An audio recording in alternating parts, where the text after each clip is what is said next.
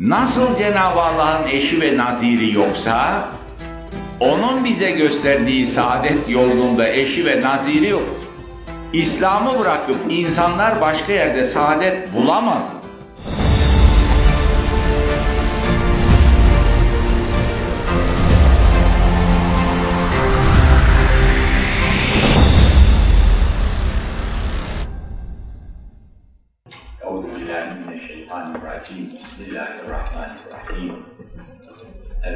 Elhamdülillahi Rabbil alemin. Ve salatu ve selamu ala seyyidina Muhammedin ve ala alihi ve sahbihi ecmain.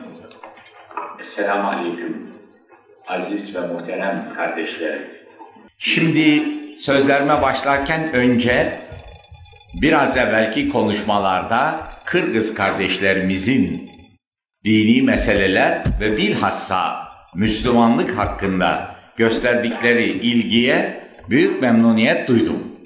Bu konu üzerinde tekrar tekrar sualler sordunuz. Bu çok sevinilecek bir şey. Çünkü bütün insanlığın saadeti Müslümanlık dinini bilmek ve öğrenmeye bağlıdır. Demin konuşulanların içerisinde bazı önemli noktalar var idi. Bir iki kelimeyle o noktalara temas edip konuşma konumuzun içine geçeceğiz inşallah. Bakınız deminki sorular içerisinde önce bir defa tabii Allah birdir. Bu bütün insanlığın bildiği, kabul ettiği bir gerçektir. Her aklı başında olan insan bunun böyle olduğunu zaten idrak eder. Gerçek din Allah indinde bir tek din vardır. O da İslam dinidir. Cenab-ı Hak bizi yarattı, bize dün söylediğim çok kıymetli meziyetleri verdi. Bizi yaratmasının, bu kainatı yaratmasının sebebi Cenab-ı Hakk'ın kendi kemal sıfatının gereğidir. Bizi yaratan Rabbimiz kemal sıfatıyla muttasıftır.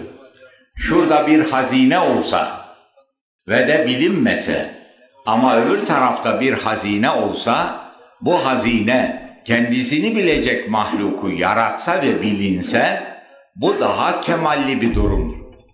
Bütün bu kainatın yaratılması bizden dolayı değil, Rabbimizin kemal sıfatının gereğidir.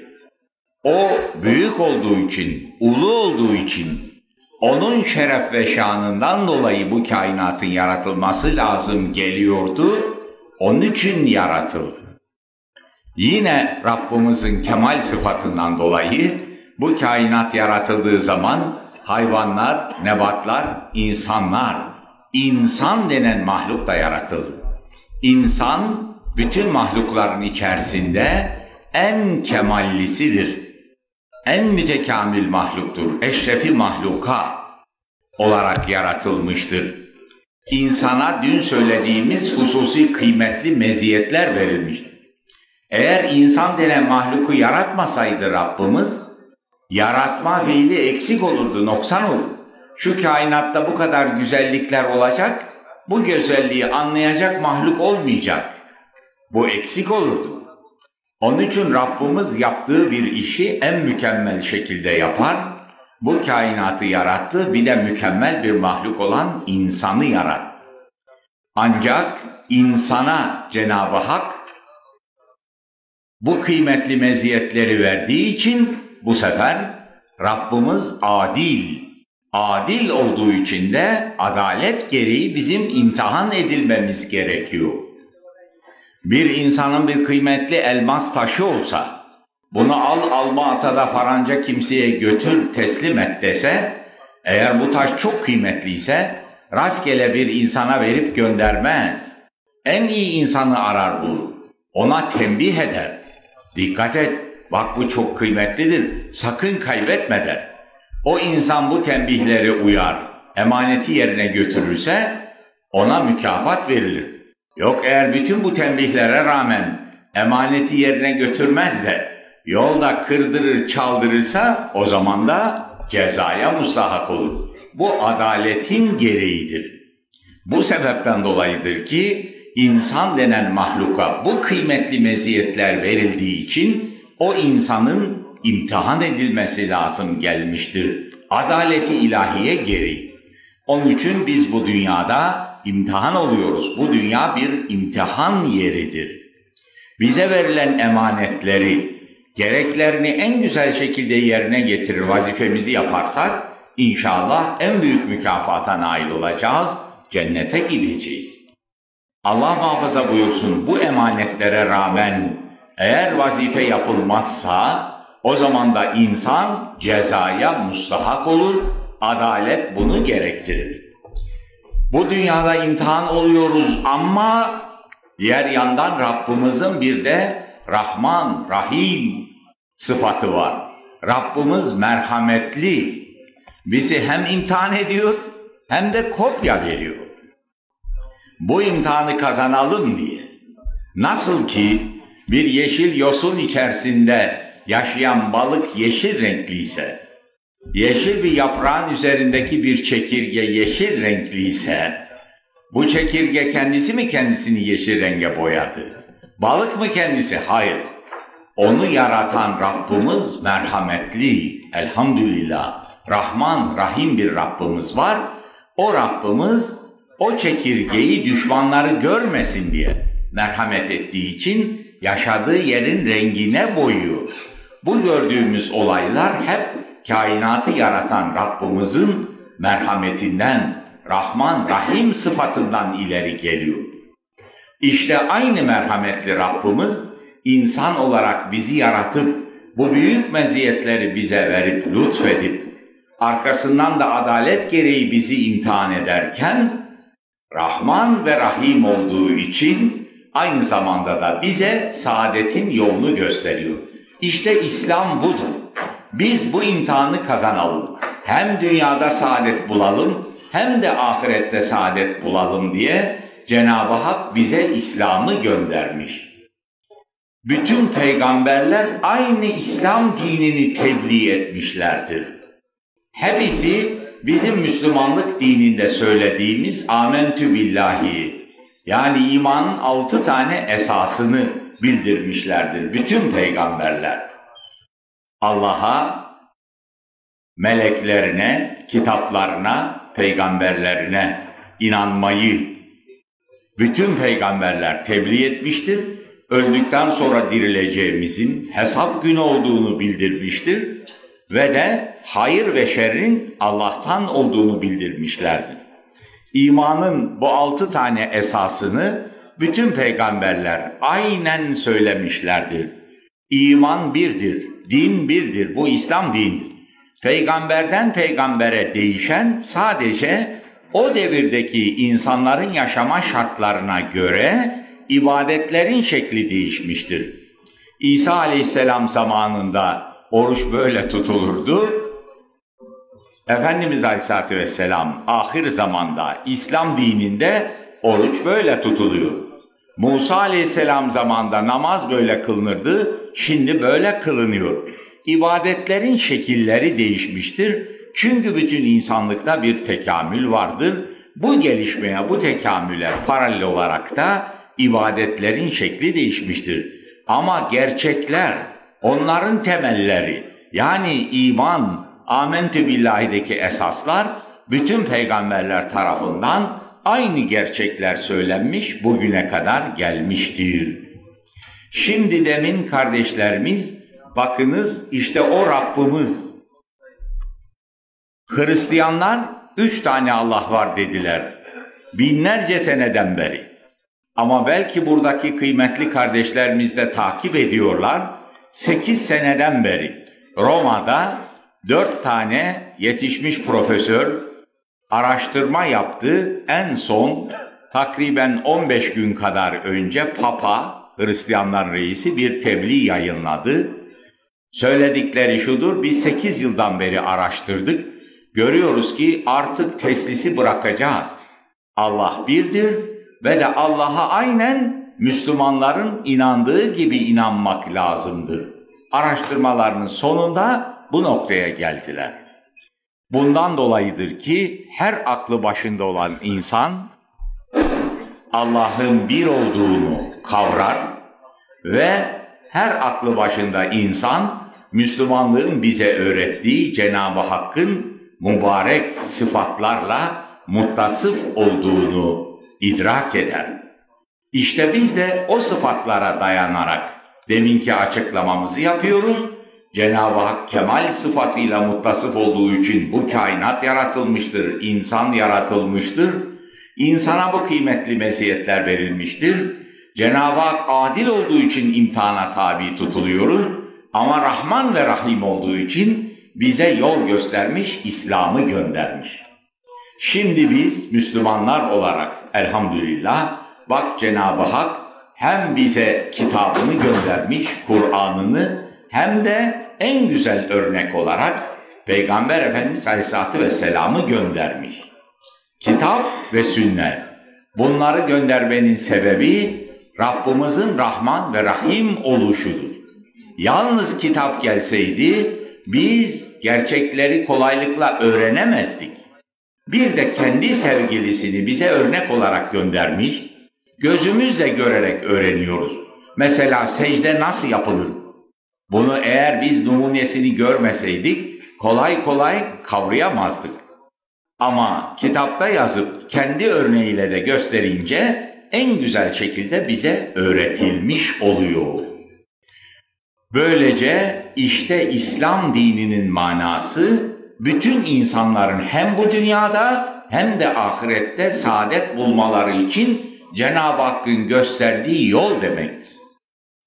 İnsanlar kendilerine saadet getirecek yolu kendi kendine bulamazlar. Çünkü eksiktirler, noksandırlar. Neden komünizm çöktü? Tabii çökecek idi. Neden? Çünkü Kur'an nizamına, Allah'ın gösterdiği nizama uymuyor, saadet getiremez onu.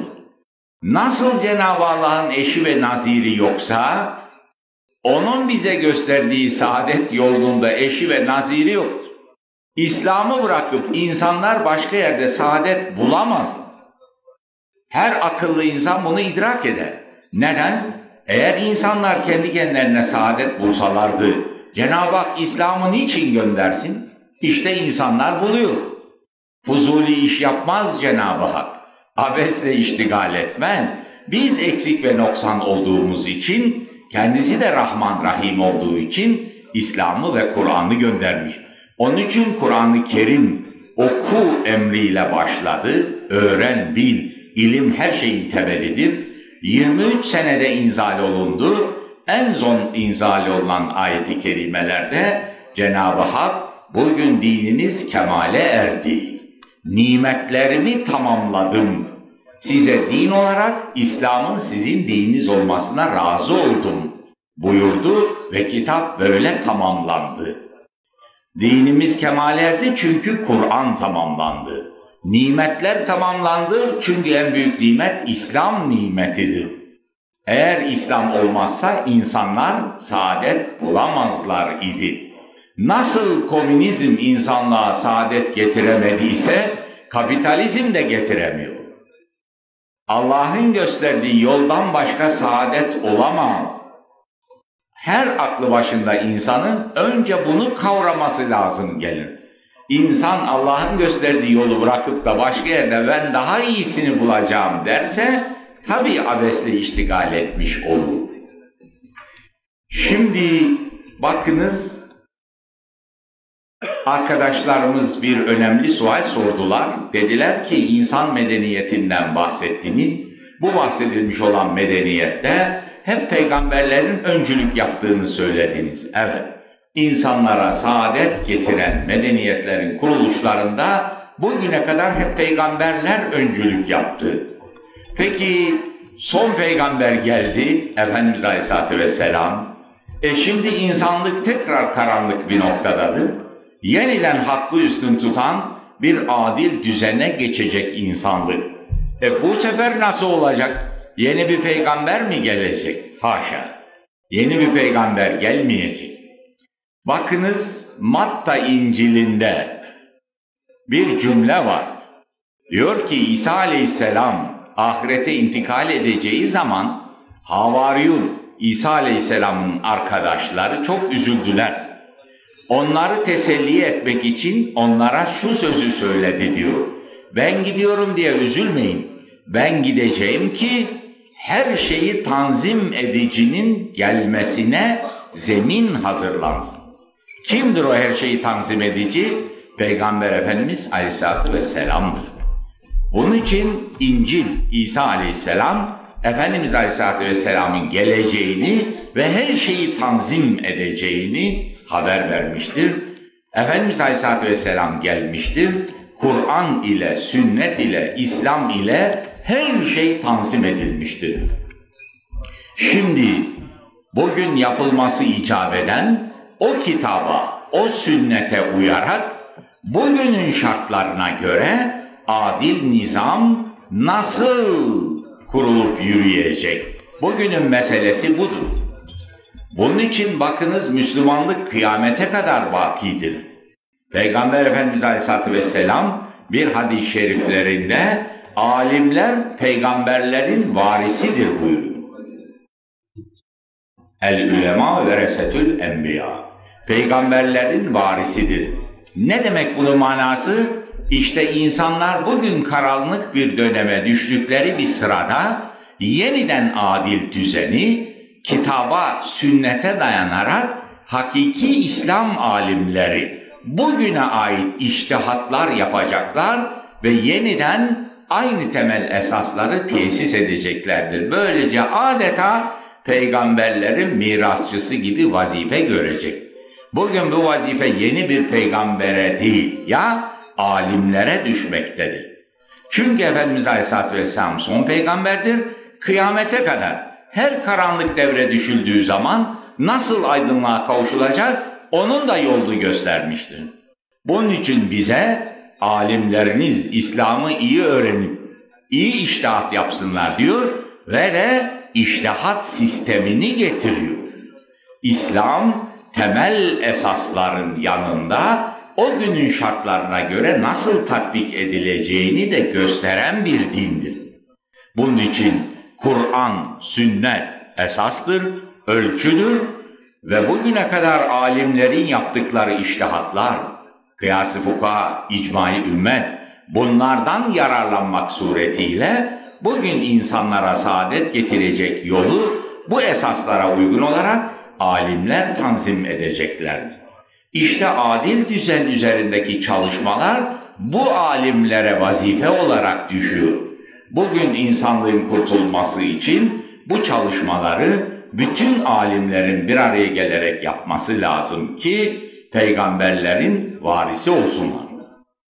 Bu sebepten dolayıydı ki peygamberler hem dünya ilmini bilirdi hem ahiret ilmini bilirdi. Onun için gerçek peygamberlerin varisi olan alimler dünya ilmini de bilen, ahiret ilmini de bilen alimlerdir. Buna göre adil düzenin tanzim edilmesi lazım gelir. İnşallah insanlık bu idrakin içindedir. Kabul komünizmin ve kapitalizmin çökmesi karşısında bu zarureti daha iyi idrak edecek bir noktaya gelmiştir ve görüldüğü gibi bu mesele ele alınmıştır.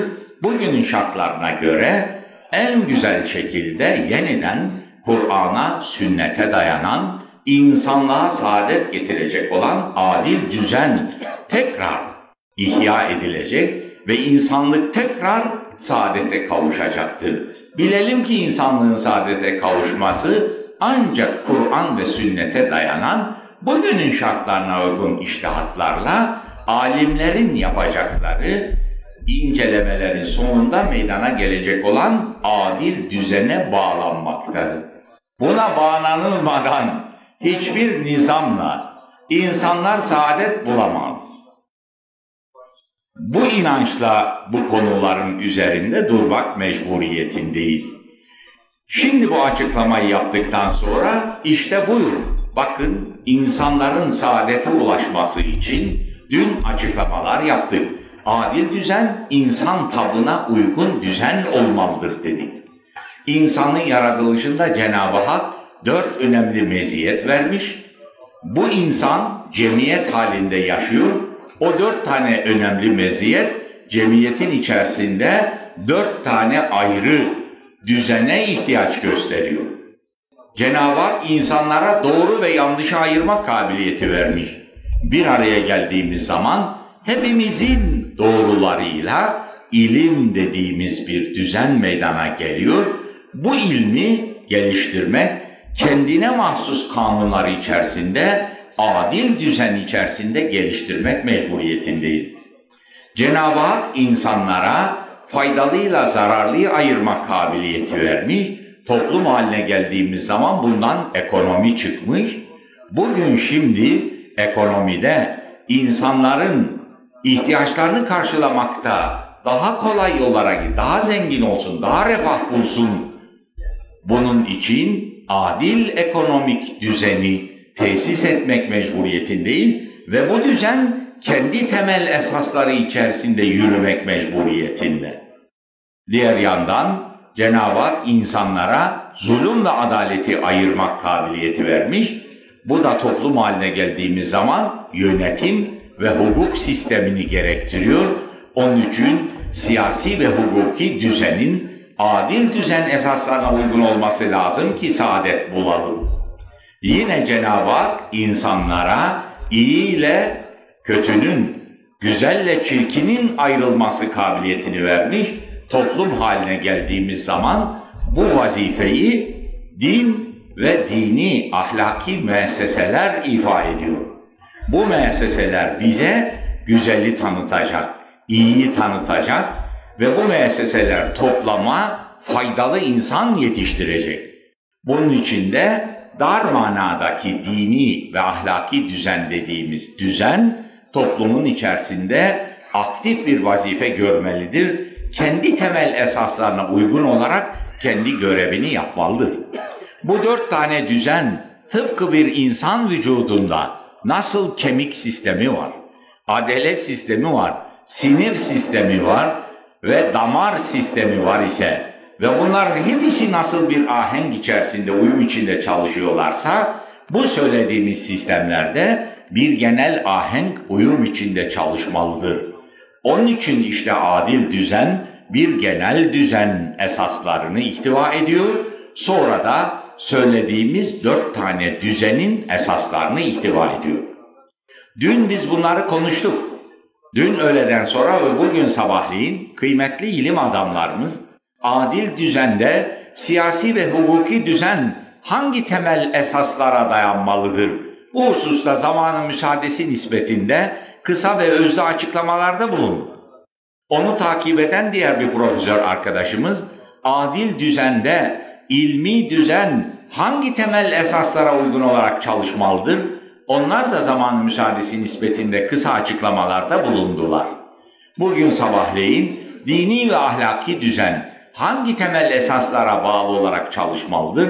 Kıymetli profesör arkadaşımız bu usta açıklamada bulundu. Şimdi bendenizde size dünkü genel düzen hakkındaki kısa açıklamadan sonra bugün son olarak adil ekonomik düzen insanlara saadet getirmesi için hangi esaslara uygun olarak çalışmalıdır?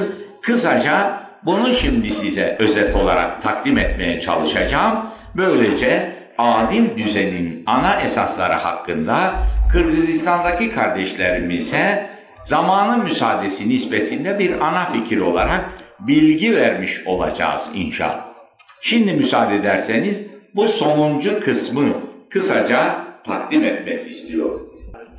Şimdi muhterem arkadaşlar, bakınız dün ekonomik düzen olarak komünizm sosyalizm insanlara neden saadet getirmedi açıkladı.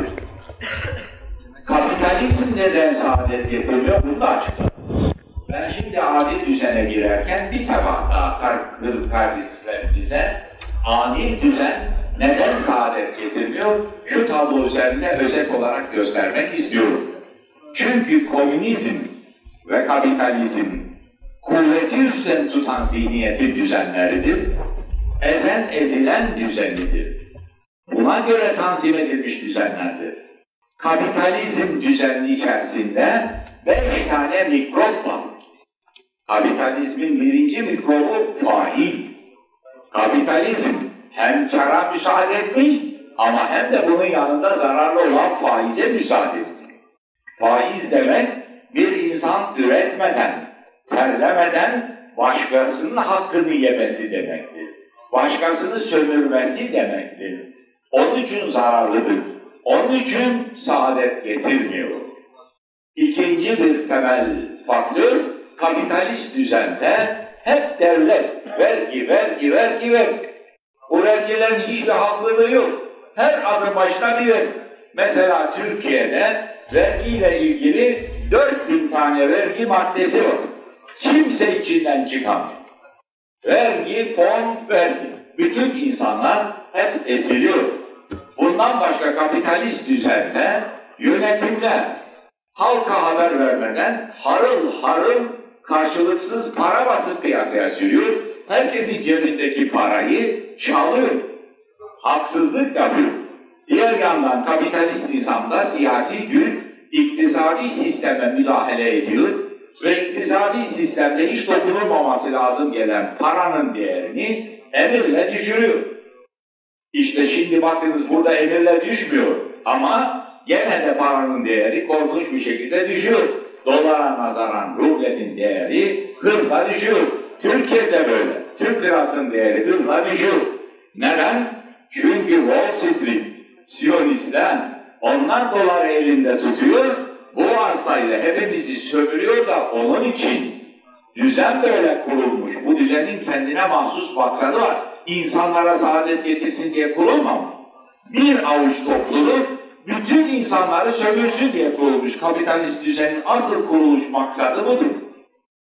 Bundan başka da banka sistemi kapitalist nizamda bugün bu sistem bütün hep fakir fukaradan alıyor, bir avuç zengine götürüp veriyor. Bankaya yatırılan paraların faizleri az ama kredi alanların faizleri çok yüksek. Türkiye'de bankaya bir adam para yatırdı, yüzde altmış faiz veriyor.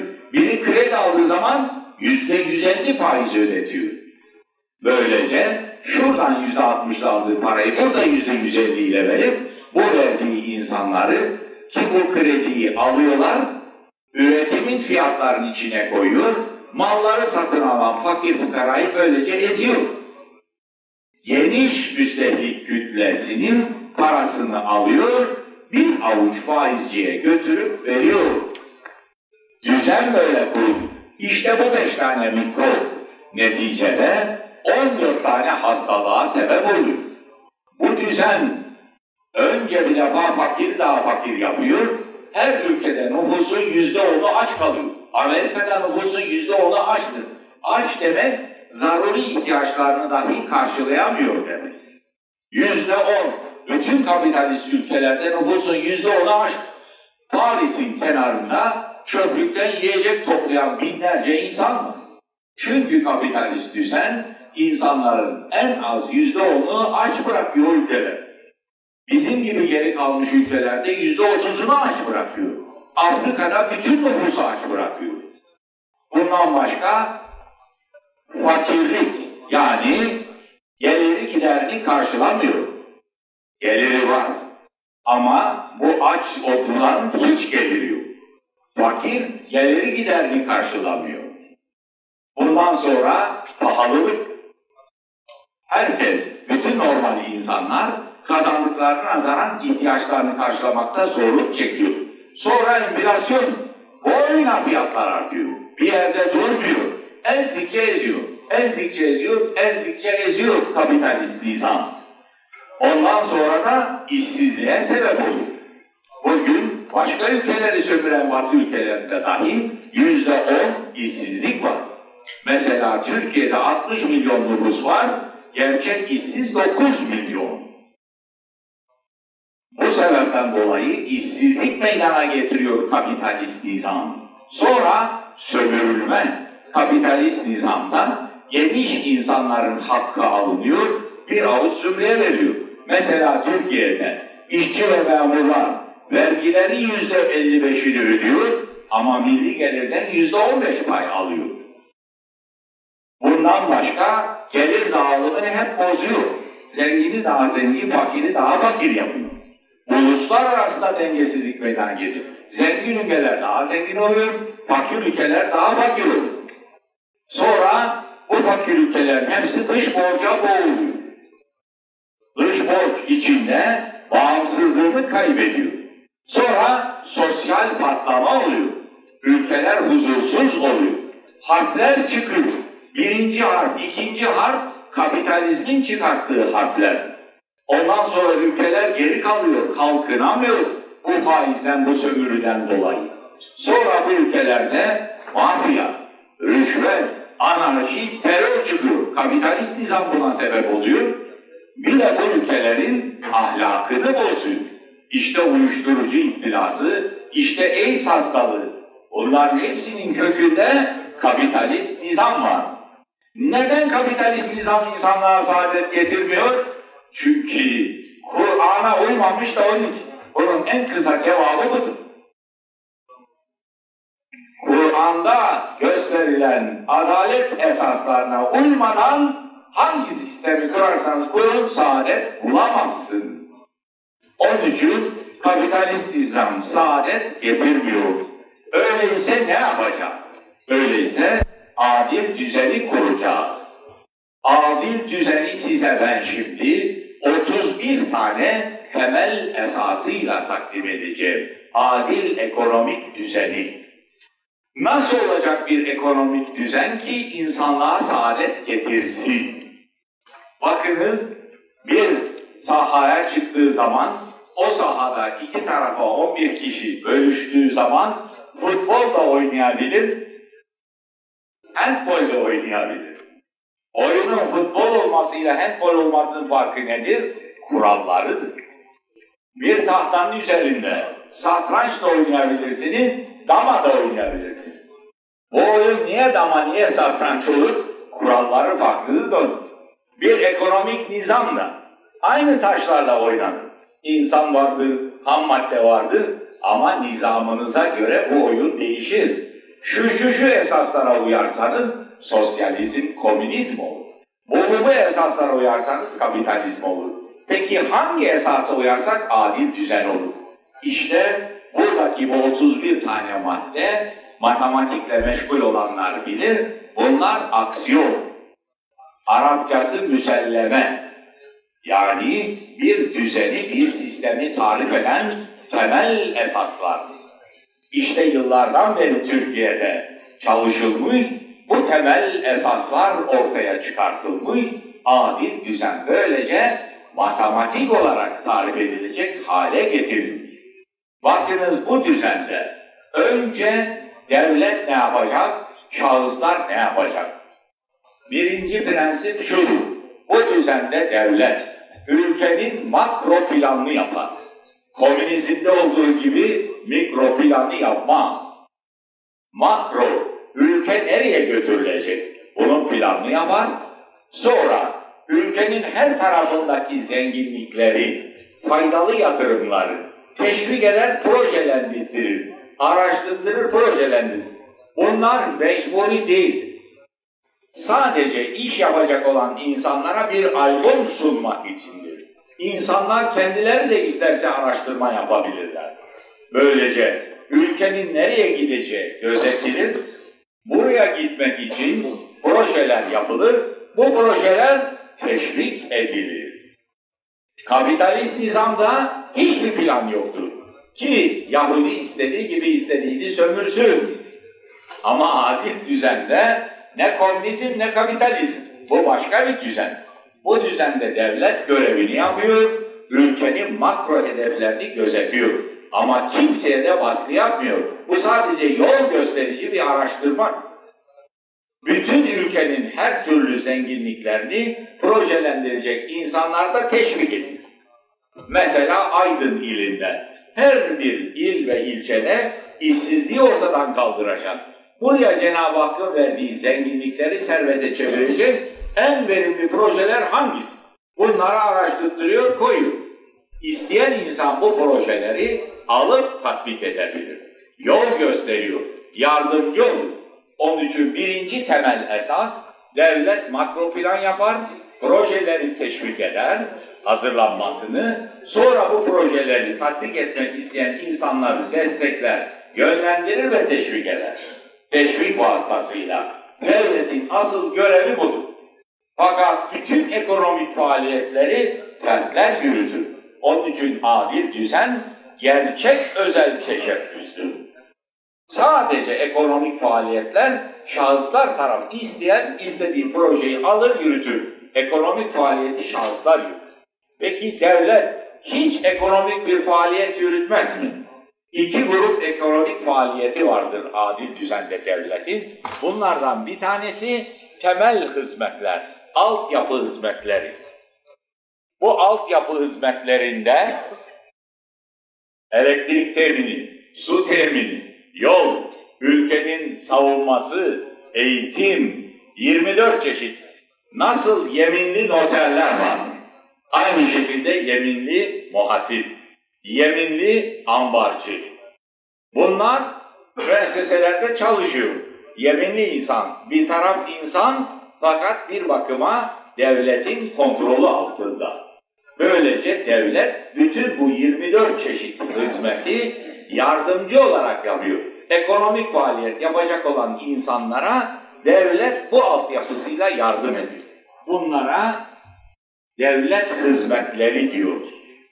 Bundan başka ayrıca bir ikinci hizmeti daha var devletin adil düzende. O da tanzim hizmeti. Tanzim hizmeti ne demek? Mesela bir buğday vakfı buğdayı olan köylü götürüp veriyor. Buradan o günkü piyasa değerine göre bedelini alıyor.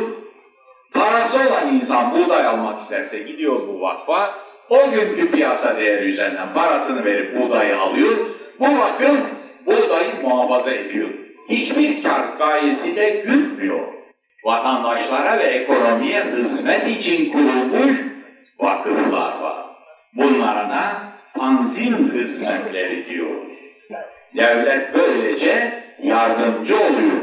Ekonomiye müdahale etmeden, adil düzen ekonomisinin kendi kuralları içinde her şey yürürken, devlet sadece hizmet ediyor, yardımcı oluyor. Yoksa faaliyetleri şahıslar yürütüyorlar.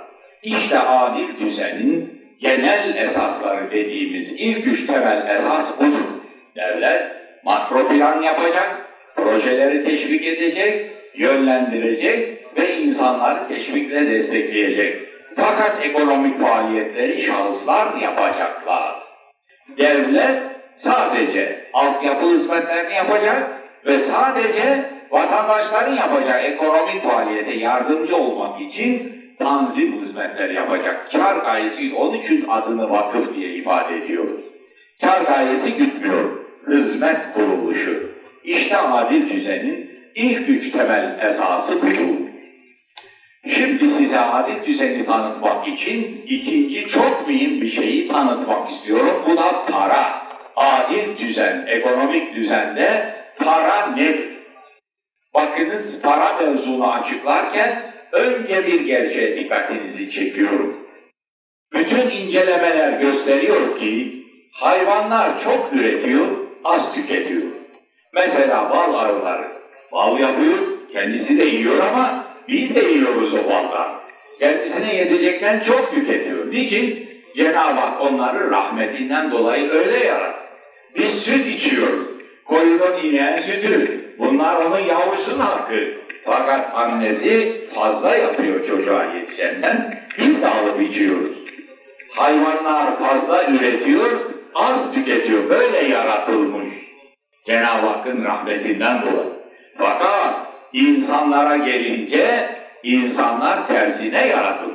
Bir insana sofraya buyurun dediğiniz zaman hoşuna gidiyor, yüzü gülüyor. Ama eline kazmayı verip de şurayı kaz dediniz mi hemen surata asılıyor. İnsanoğlu bu hep yemek istiyor, hiç terlemek istemiyor. İnsanlar böyle yaratılır. Neden? Çünkü insanlar cennet için yaratıldı. Asıl darul karal cennettir. Cennette hep yiyeceksin. Hiç terlemene lüzum yok. Fakat şimdi muhakkaten bu dünyadayız. Cennet için yaratılan insanın bu tavrı bu dünyaya uymuyor. Biz burada da hep yiyelim, hiç terlemeyelim istiyor.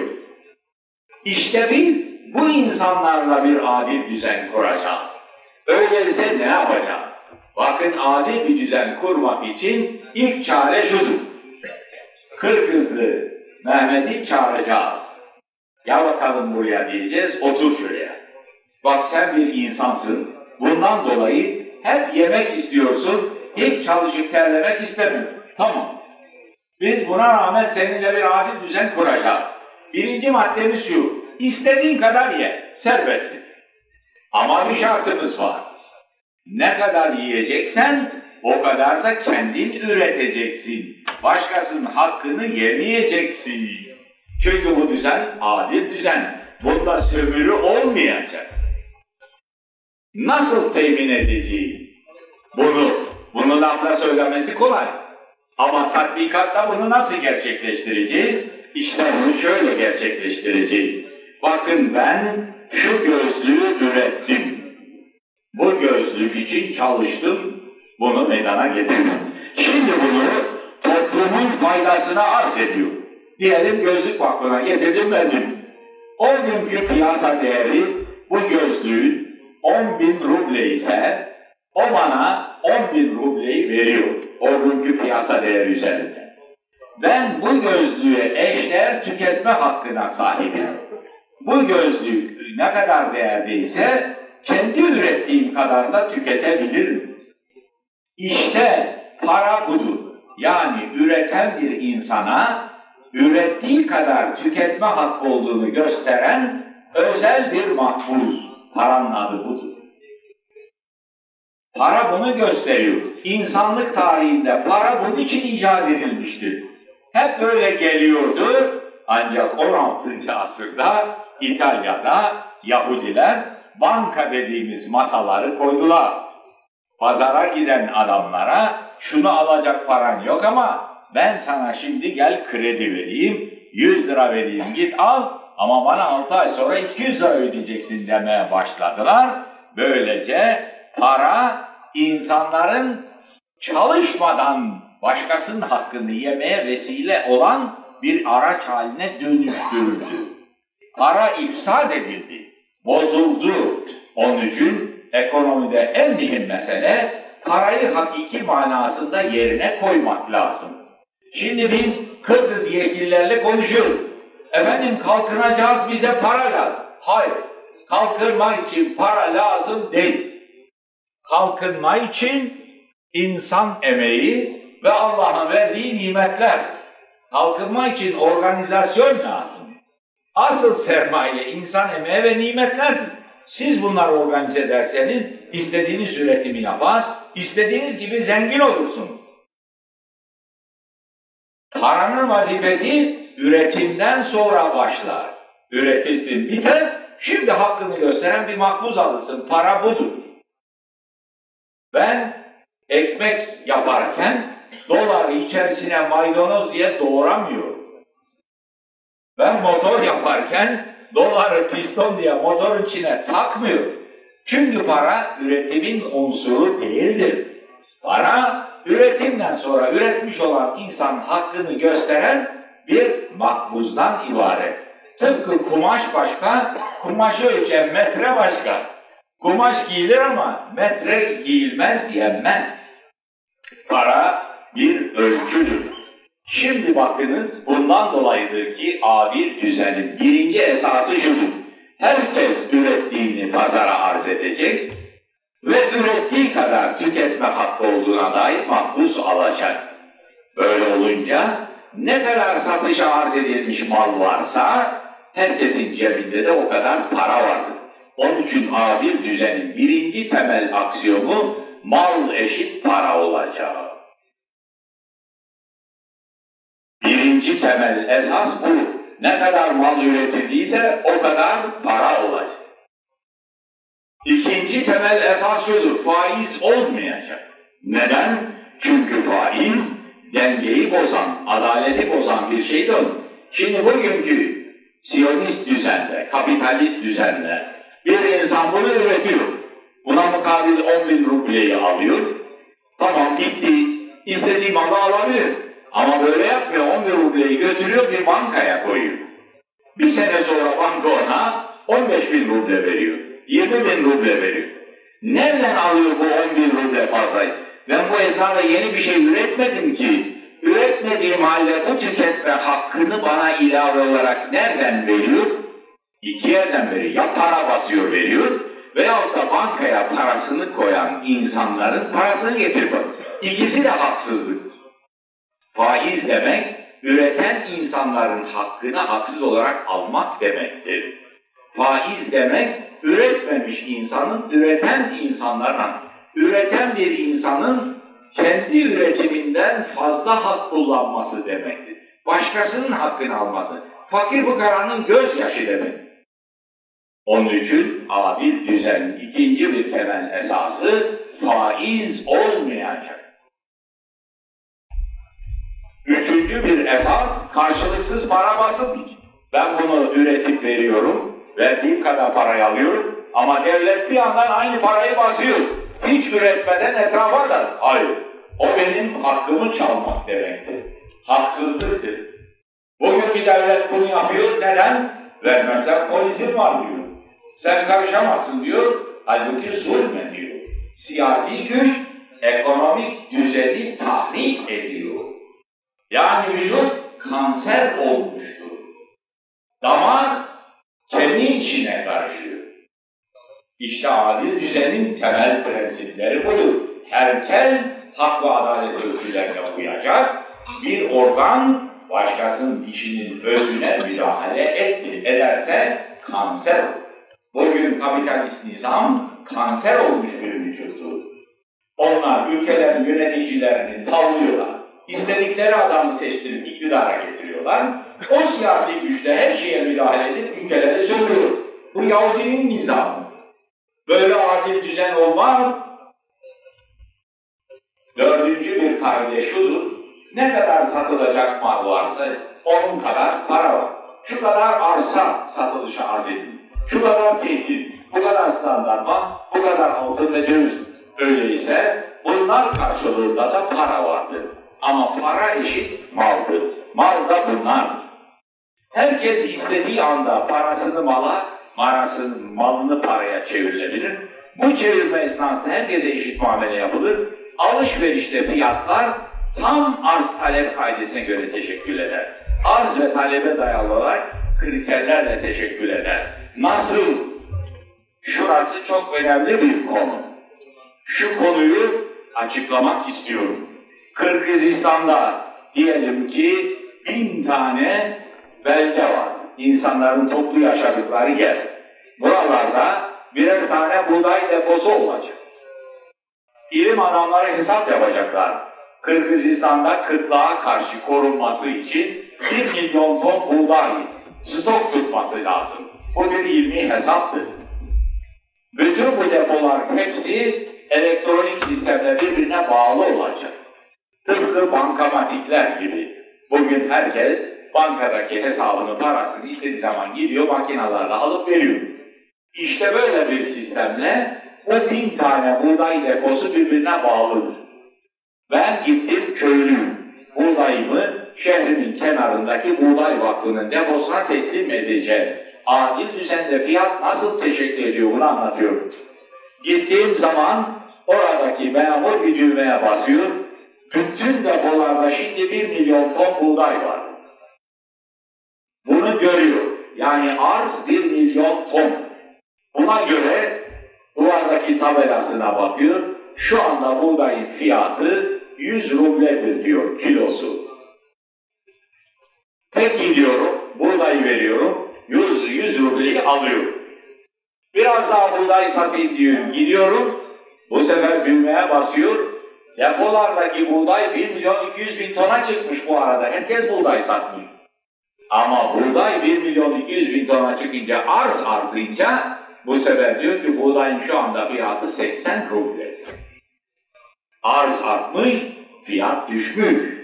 80 ruble deyince buğday ucuzlamış, ben bu buğdayın fiyatına satmam, ben senden buğday alacağım. Peki buyur al diyor. Ben satmak için gittiğim halde ucuz buldum, buğdayı aldım gel. Biraz sonra tekrar buğday almaya gidiyorum.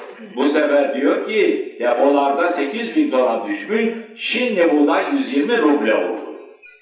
O zaman vay canına buğday pahalanmış, ben getireyim satayım diyorum. Böylece depolarda buğday 1 milyon ton etrafında osilasyon yapıyor, yukarı çıktı mı arz talep kaidesine göre fiyat düşüyor, aşağı indi mi fiyat artıyor. Fiyat tam arz ve talep kaidesine göre. Üç tane beyaz eşya satıcısı Yahudi Holding'i tespit etmiyor adil düzende fiyatı. Tekeller tespit etmiyor, Shell Mobil tespit etmiyor. Ya ne kadar arz varsa ona göre adilane bir şekilde fiyat teşekkül ediyor. Ve böylece tam arz talep kaidesine göre gerçek fiyat böyle teşekkül eder. Şimdi bak Kırgız kardeşlerimin bir noktaya dikkatini çekiyor. Bu kapitalistler geliyor size Amerikalılar, Yahudiler serbest piyasaya geçin diyor. Onlar serbest piyasa sözünü bu manada kullanmıyor. Serbest piyasa demek memleketinizi açın. Biz istediğimiz malı getirip satacağız diye söylüyor. Serbest kelimesini dejenere edin. Sahipsiz olun. Sömürüye açık olun. Onların serbest piyasa dedikleri bu. Sömürüye açık olmak. Yoksa fiyatlar hakkani teşekkür etmiş böyle bir dertleri yok. Serbest kelimesini sırf bu maksat için kullanın. Yoksa size maksatları serbestlik vermek değil, sizi tamamen açık tutup gelip sömürmektir maksatları. Nereden biliyoruz?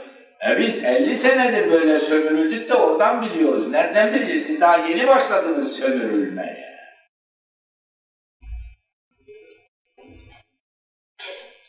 Ne konuştuk? Paranın yedi tane kriteri. İşte para bu kriterlere bağlı olarak vazife görecek adil düzen